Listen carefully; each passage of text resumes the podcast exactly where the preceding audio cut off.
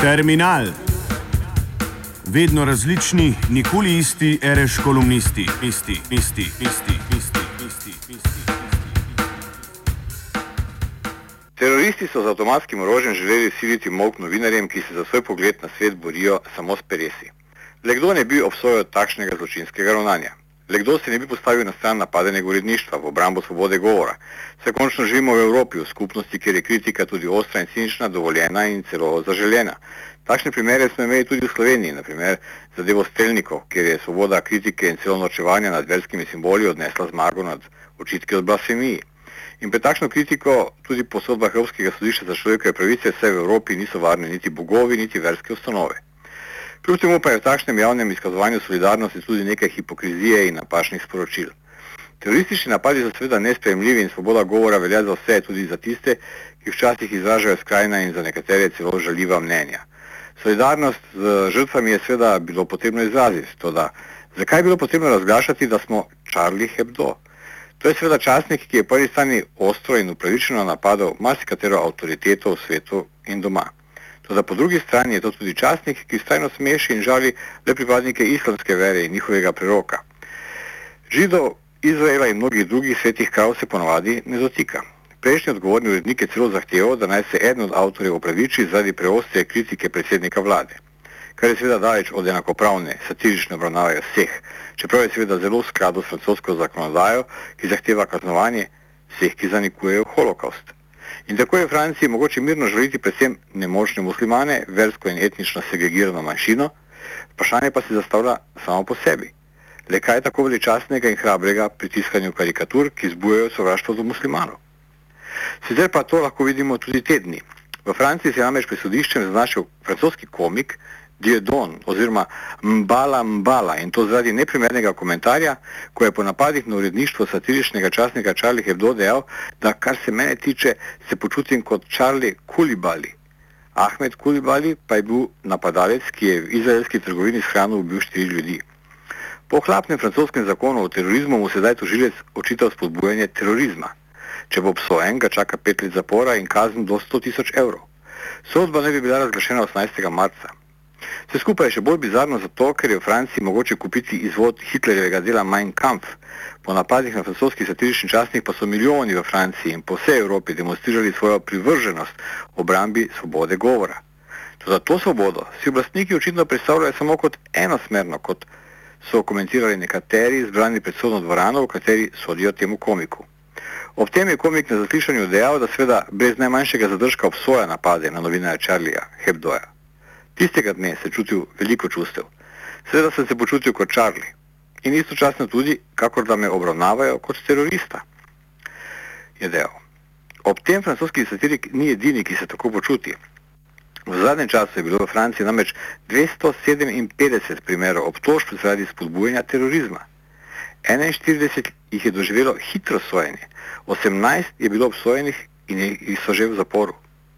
Diodon je bil že devetkrat predtem obsojen zaradi žalitev, predvsem na račun židov.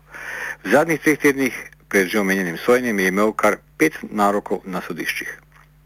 Hipokrizija in dvojna morala pri sodbah napadov na Charlie Hebdo se zato vidita že nadaleč. Prvič zato, ker podobnih izrazov ogorčenja nismo videli, ko so bili novinari žrtve napadov v številnih drugih državah. Včasih tudi posredno ali celo neposredno strani ZDA, njihovih evropskih in drugih članov koalicij voljnih. Drugi problem pa je neenako obravnavanje različnih žaljivih karikatur, ovsenih žalitev ali pa celo sovražnega govora v Evropi in drugih državah. Ker so mnogi po svetu po napadih na Charlie Hebdo zahtevali, da naj časniki po vsem svetu zato še bolj odločno objavljajo vse najbolj sporne karikature preroka Mohameda, je Glyn Greenwald, avtor Intercepta, v svojem odličnem prispevku v obrambo blasfemije objavil celo vrsto žaljivih karikatur. Ob tem pa je s težavo našel predvsem tiste na račun židov. To je očitno v svetu in v Franciji tudi danes prepovedana tema. Še več, eden od avtorjev Charlie Hebdoa je pred leti celo izgubil službo, saj ne bi bil preveč žaljiv zaradi svojih menda antisemitskih karikatur.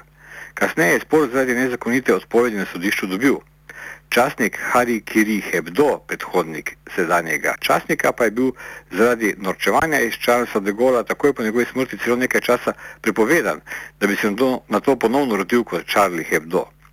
Iz te dvojne morale se je v interceptu zelo dobro ponorčeval tudi brazilski karikaturist Latuf. K temu lahko dodamo še razne druge primere, ko evropske države ostro preganjajo eno vrsto sovražnega govora, istočasno pa mirno opazujejo številne druge primere. Zato je Glenn Greenwald ostro in upravičeno kritiziral stališče, da je potrebno nasilje nad uredništvom Charlie Hebdoja pokazati tudi z reprintom, ponovnim tiskanjem njihovih karikatur. Češ, kdor si ne upa tega narediti, ta mail je samo prazno slamo in v resnici svobode govora ne jemlje za res. Najboljši odgovor na napade na Charlie Hebdo je, da zaostrimo blasfemično satiro, je naprimer dejal urednik časnika Slate Jack, Jacob Weisberg. Toda pregled sebine Charlie Hebdoja kaže, da so bile nekatere karikature takšne, da so se norčevale iz seksualnih sužnj skupine Boko Haram, druge pa so se norčevale ne samo iz preroka, pač pa iz vseh muslimanov. Želili so torej skupino, ki v Franciji niti približno ni vplivna, pač pa gre za marginalizirano populacijo, ki je tača napadal. Rezultat tega je, da reakcija v Evropski skupnosti nikoli ne bi bila enaka, če bi bili na enak način ubiti ljudje, ki bi zažili skrajno nestrpna stališča do židov, temnopoltih ali kakšne druge skupine. V nasprotju s tem pa so milijoni odšli na ulice zoper nevarnost islama.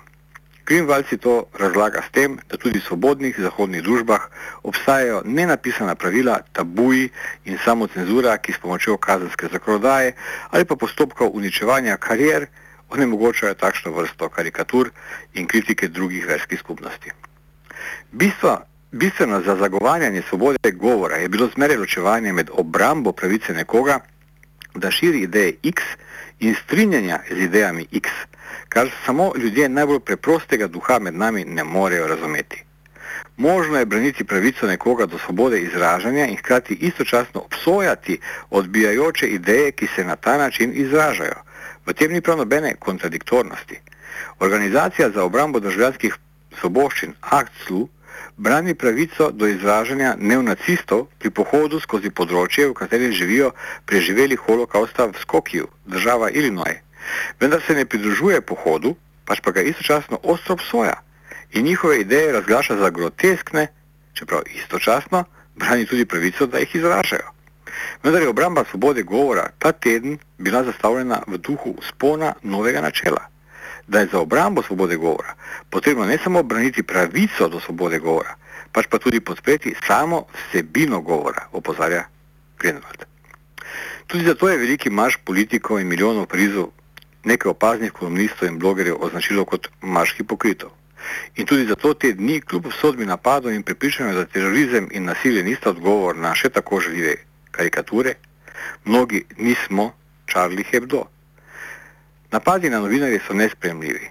To zato še ne pomeni, da se je mogoče samo zaradi smrti nedolžnih strinjati z vsakim rasističnim zmaskom in da je zaradi boja zoper terorizem ali sovražni govor dopustno svobodo govora odrekati manjšinam in tistim, ki jim mislijo drugače. Terminal je pripravil Igor Mekina.